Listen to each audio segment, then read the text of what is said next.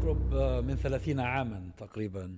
آه، طلب مني بعض الإخوة آه، في جزيرة العرب بأن أزور الشيخ ناصر الدين الألباني. رحمه كان الله. رحمه الله. وكان يسكن في الزرقاء في الأردن. آه، لأسأله عن حكم آه، المعارضة معارضة النظام بسبب تعرفوا في, في تلك الفترة كان أزمة الخليج ودخول القوات الأمريكية في السعودية وإلى آخره.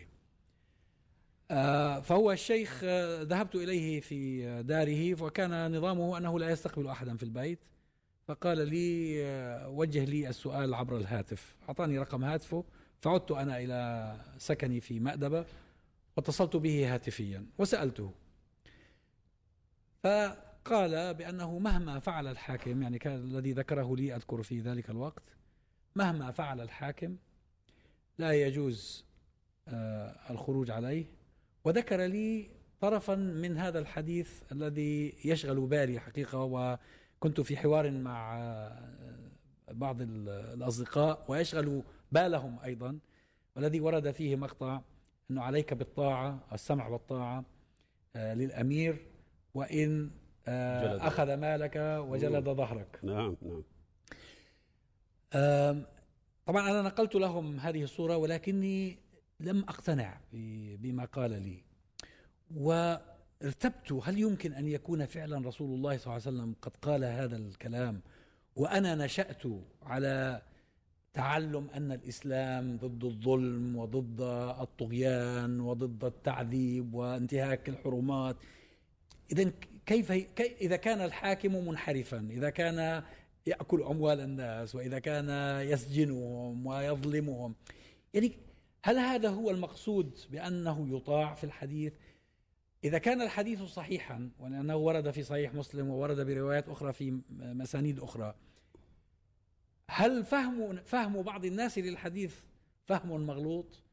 ما هو الفهم الصحيح؟ كيف يمكن أن ينسجم ظاهر آه، ما ورد في هذا الحديث مع أن الإسلام في الحقيقة جاء ثورة ضد الظلم والطغيان صحيح. ابتداء. هو هو ال- ال- ال- الشيخ الألباني أصلا يصحح هذا الحديث.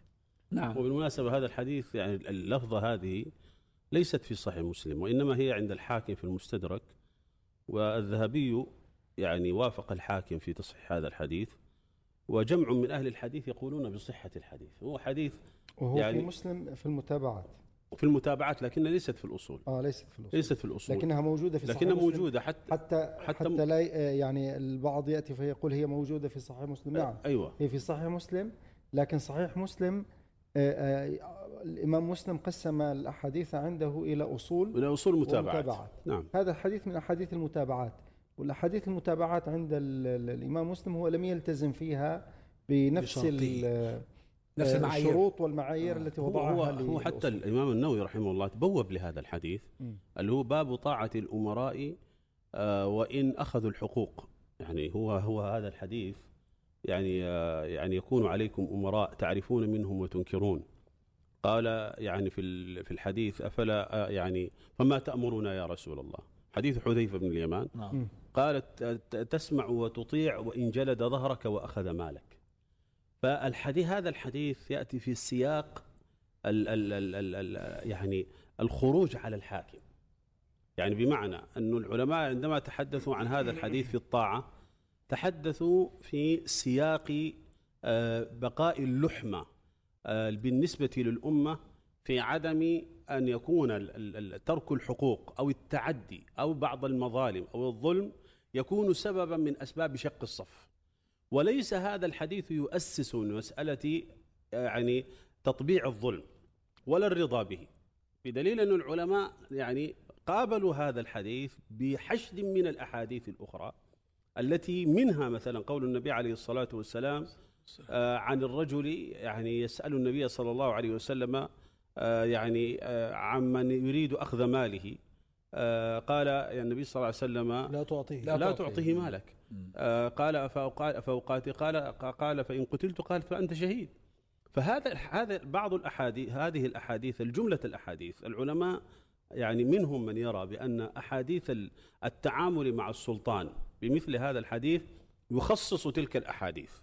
ومنهم من يرى بأن هذه الأحاديث هي تتعلق بمسألة الحقوق الخاصة وتتعلق بالتجاوزات التي تقع للحاكم. لكن هناك نقطة جوهرية يعني هي التي يعني جعلت كثيرا من العلماء يخطئون في الاستدلال بهذه الأحاديث على ما نحن فيه اليوم.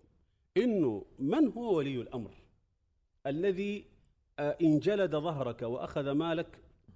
عرفت كيف؟ فأنت تطيعه وتتحمل ما يقع عليك من ضيم وظلم. أهو الولي هو ولي أمر المسلمين على الحقيقة؟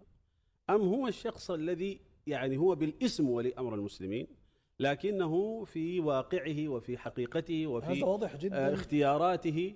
هذا واضح جدا في سياق الحديث ذاته. حديث حذيفة رضي الله عنه. بالضبط. عندما يعني الحديث سياقه أنه كان الناس يسألون رسول الله عن الخير ويسأله عن الشر. فقلت يا رسول الله كنا أهل جاهلية وشر فمن الله علينا ورزقنا هذا الخير. فهل بعد هذا الخير من شر؟ قال نعم. قال وهل بعد هذا الشر من خير؟ قال نعم على دخن فيه. قلت فهل بعد هذا الخير من شر؟ قال نعم. وما هو؟ قال قوم لا يستنون بسنتي يلون أمركم لا يستنون بسنتي ولا يهتدون بهدي إذا هذه الطائفة التي يتحدث عنها النبي صلى الله عليه وسلم وقد تبرأ منها التي سيأتي الحديث عنها. قال فما تأمرني؟ فليس هؤلاء الذين يطاعون؟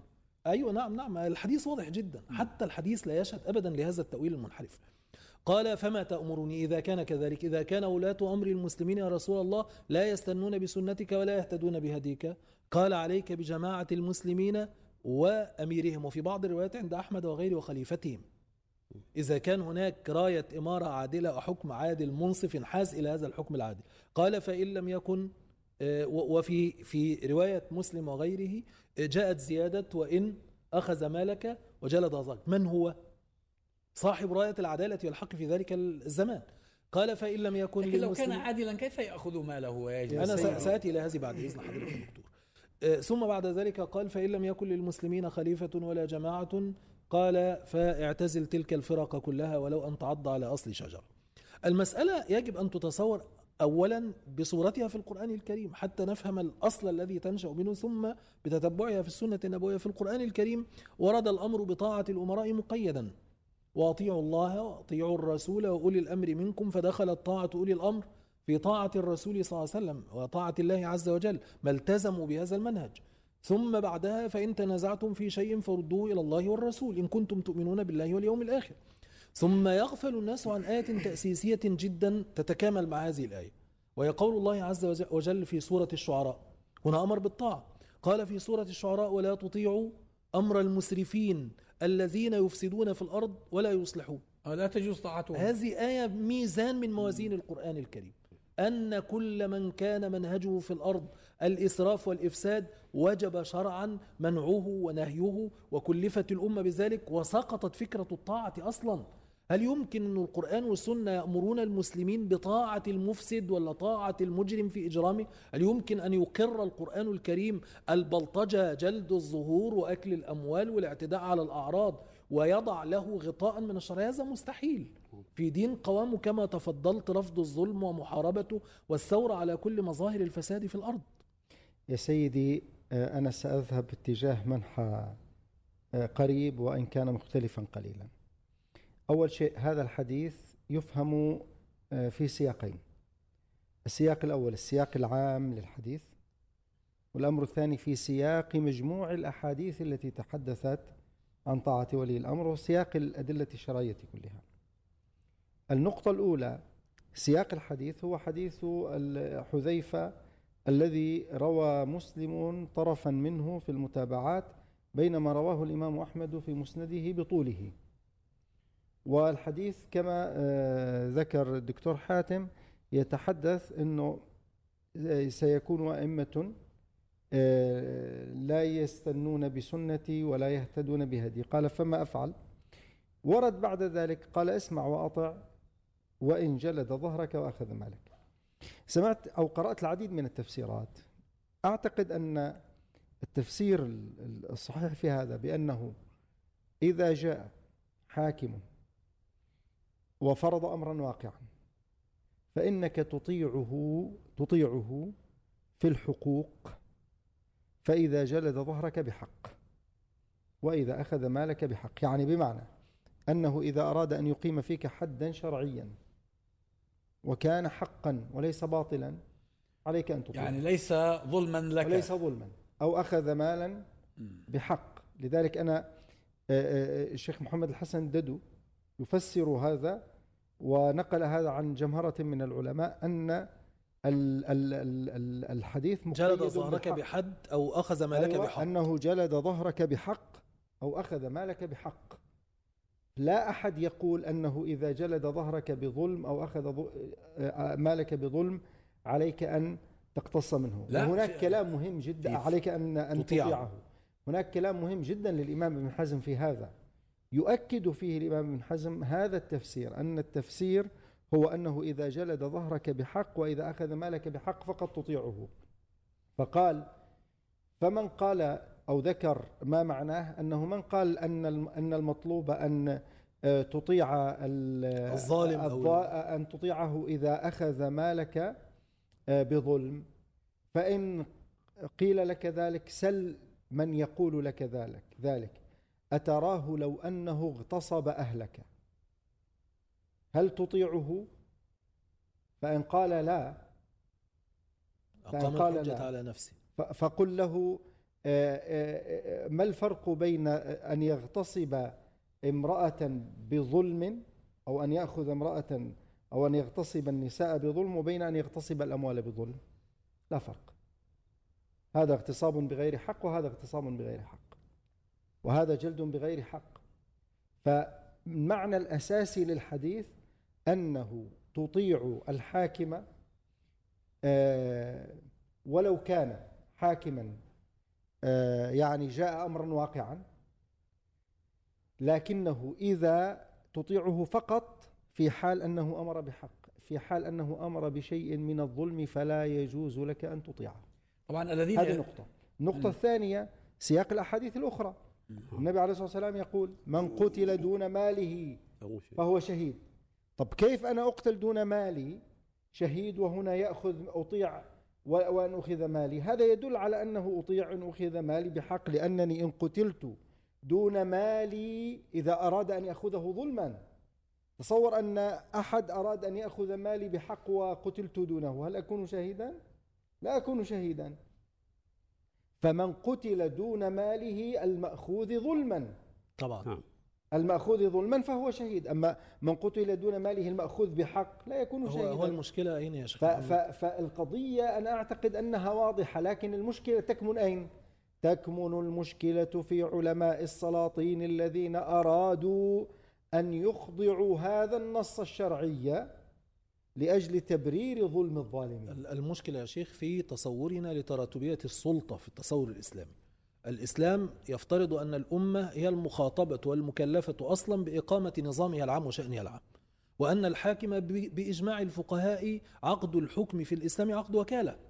الحاكم فيه وكيل عن الأمة. ومن مقتضيات عقد الوكالة أن الأمة هي صاحبة الحق الأصيل. وليس هو المعصوم. نعم وأن الحاكم وأن الحاكم تابع لها. الآن يراد أن تنقلب المسألة تماما فتصبح الأمة هي التابعة وهي الخاضعة وهي المستذلة لإرادة الحاكم. هذا لا يمكن قبوله بالميزان الإسلامي لأنه التكليف بإقامة الدين والتكليف بعمارة الأرض والتكليف بإقامة الشرع والتكليف بأداء الحقوق والتكليف كل هذه تكليفات عامة للأمة. ومن ثم الأمة تن- تنيب عنها توكل عنها من يقودها في إنفاذ هذه الأوامر العامة. ويظل هذا الحاكم في الأخير تحت ولاية الأمة لأنه ال ال الأمة هي صاحبة الحق الأصيل والوكيل لا يمكن أن يتحول إلى أصيل.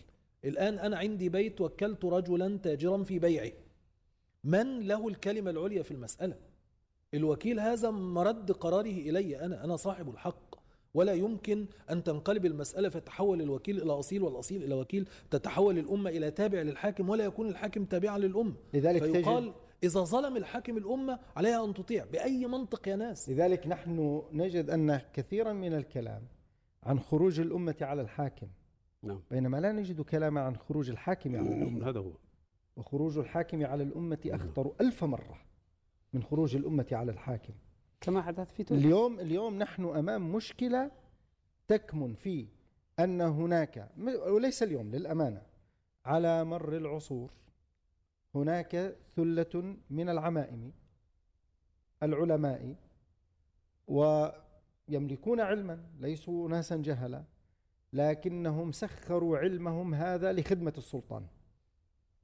فجاءوا ليؤولوا هذه الأحاديث وليرسخوها لقبول ظلم الحاكم. وقبل ذلك فسمعنا في العصر الأول آه، في العصور السابقة من يقول آه، للحاكم آه، ما شئت لا ما شاءت الأقدار فاحكم فأنت الواحد القهار. أو من يقول أو من يدخل على الحاكم يروي الحديث فيضيف لفظا في الحديث من أجل أن يتزلف للمهدي ولغيره. وسمعنا في عصرنا هذا من يقول أن الحاكم لا يجوز نصحه علنا ليس الخروج عليه نصحه علنا. ولو أنه مارس الفاحشة والزنا على شاشة التلفاز في كل يوم نصف ساعة. هذا هؤلاء هم الذين دلالة- خربوا فهم إيه هذه دلالة الأحاديث. النص ساعة في الموضوع يعني؟ هو شوف قبل الحديث عن علماء السلطان أنا أظن أن بعض من شرحوا الحديث آه، بما يستدل به على أن الطاعة واجبة بغض النظر عن سلوك الحاكم. ربما أثر فيهم ما حدث للمسلمين في عصر الفتنة. وإلا لو إحنا رجعنا لبدايات تلك الأحداث الذين خرجوا على معاوية في البداية هم من بن الذين رفضوا أن يتحول أن تتحول الخلافة الراشدة إلى ملك عضوض إلى ملك عضوض فك- هؤلاء ألم يسمعوا بهذا الحديث؟ أو كيف فهموا بل هذا كانوا هم الحديث؟ أفقه وأعلم به من غيرهم. طبعا. لكن فيما بعد بسبب ما أريق من دماء وبسبب ما حصل من اختلافات صار البعض يظن أن المصلحة في أن تسكت وتذعن خشية أن تع- تعمق لذلك لذلك ظهر فقه المتغلب وظهر آه، وظهرت العبارة التي تقول ظالم غشوم خير من فتنة تدوم. الظالم الغشوم هو نفسه الفتنة التي آه. آه، لكنهم ما يعني لكن التج- التجربة أثبتت أن الظالم الغشوم هو أكبر فتنة مستمرة. هو سبب الفتنة. وهو إحنا سبب كل فتنة. هو- لكن أنا أريد أن أقول بأنه مسألة الخروج على الحاكم اكتنفها أمران. اكتنفها أول شيء آه، فكرة أيهما أولى. أيهما أولى؟ إصلاح الحاكم أو الخروج على الحاكم أم استقرار الأمة؟ فكرة استقرار الأمة كانت مهيمنة على عقول كثير من الفقهاء ضرورة استقرار الأمة.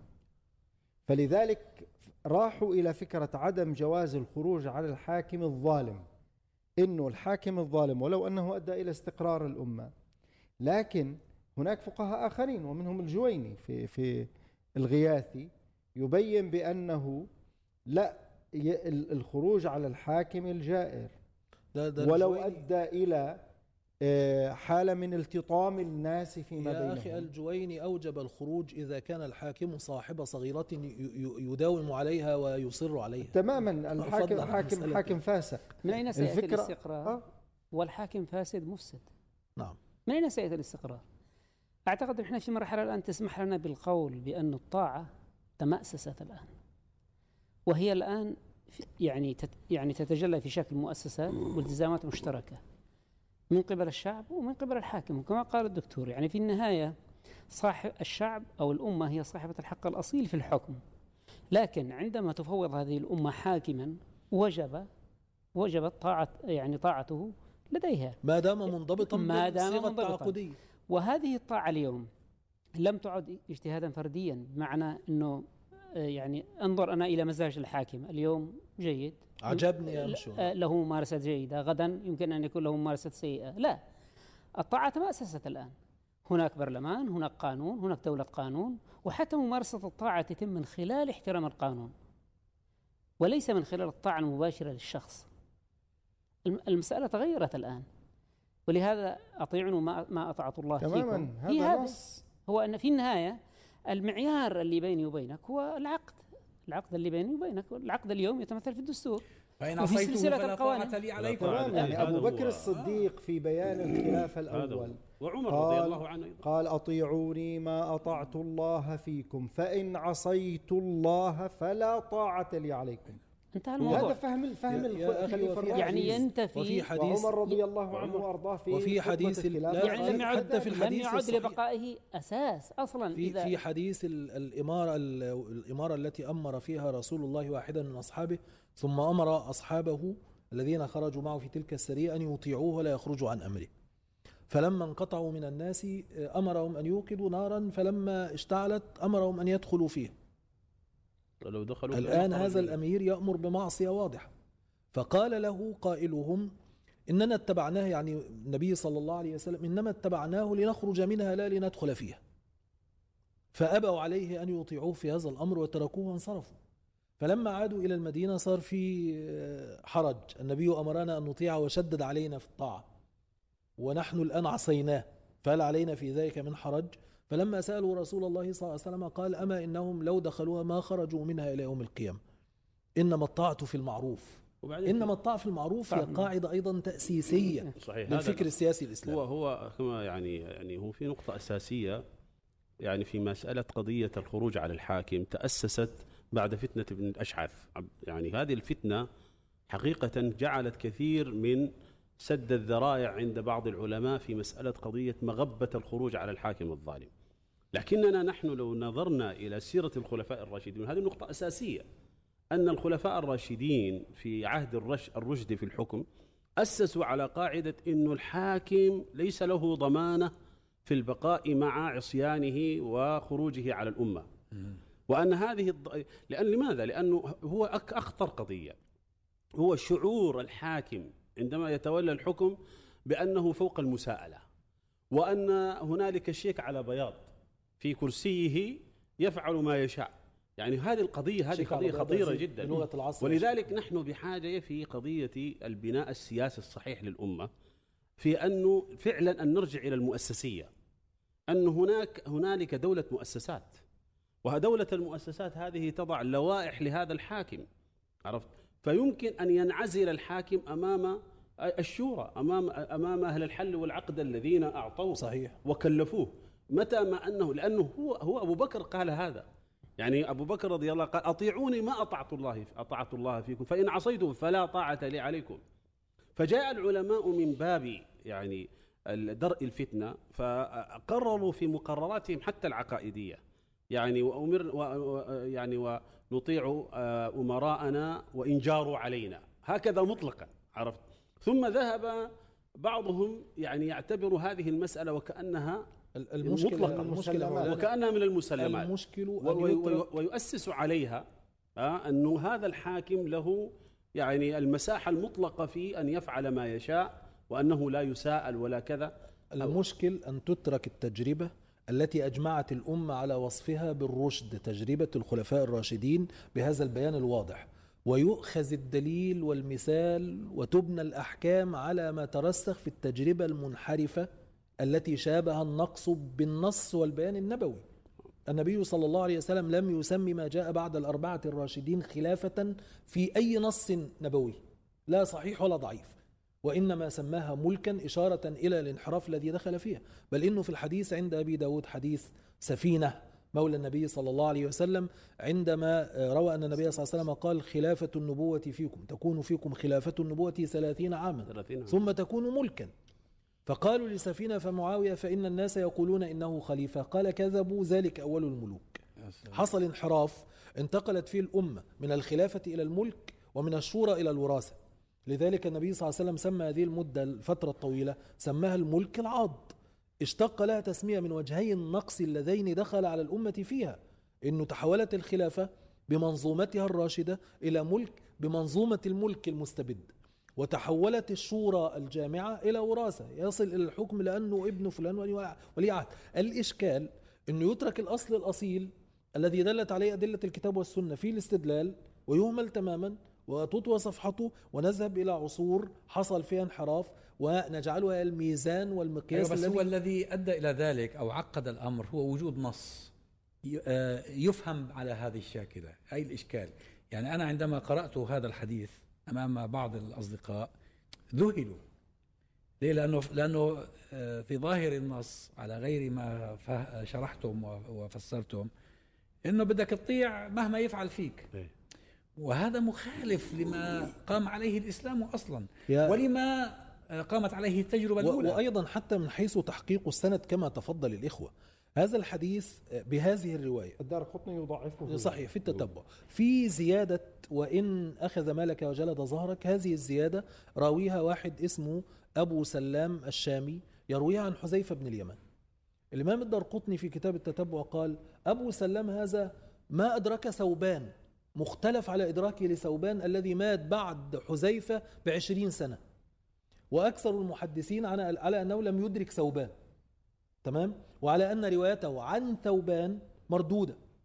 فما بالنا بروايته عن حذيفة الذي توفي بعد موت مقتل سيدنا عثمان استشهاد عثمان بعدة أيام قبل ما يقرب من عشرين سنة من موت ثوبان يقينا ولم يدرك حذيفة. رواية هذه هذه الرواية عن أبي سلام هذا عن حذيفة. وهذا انقطاع لا شك فيه والإمام الدرقطني في كتاب التتبع ضعف هذه الزيادة وقطع بتضعيفها نظرا لهذا الانقطاع. والعجيب أنك تجد أن من صححوا هذه الرواية اعتمدوها. آه، يعني فريقان من أهل العلم. الذين ساروا في ركاب الدولة قديما الدولة الأموية ثم العباسية خدمة لمنظومة الحكم العضوض ثم بعد ذلك بعض المتأخرين الذين وضعوا العرب أمام الحصان. رأوا أولا أنه يجب ترسيخ مبدأ الطاعة المطلقة للحاكم ثم بحثوا عن الأدلة لذلك ولو أنصفوا. لقالوا إن الرواية الصحيحة التي رواها الإمام البخاري والتي رواها الإمام أحمد وغيرهما من الرواة ليس فيها هذه اللفظة إطلاقا. قال فعليك بإمام المسلمين وجماعتهم. قال فإن لم يكن لهم إمام ولا جماعة. قال فاعتزل تلك الفرق كلها ولو أن تعض على جذل شجرة أو على أصل شجرة. أما زيادة وإن جلد أخذ مالك وجلد ظهرك فراويها رجل أرسلها بإسناد غير متصل إلى حذيفة وبينه وبين حذيفة مدة من الزمن لا يمكن تصور وهي أنه زيادة ربما تتناسب مع ما ساد في عهده ما هي. مقاصد السلطة؟ ما هي مقاصد السلطة والنظام العام؟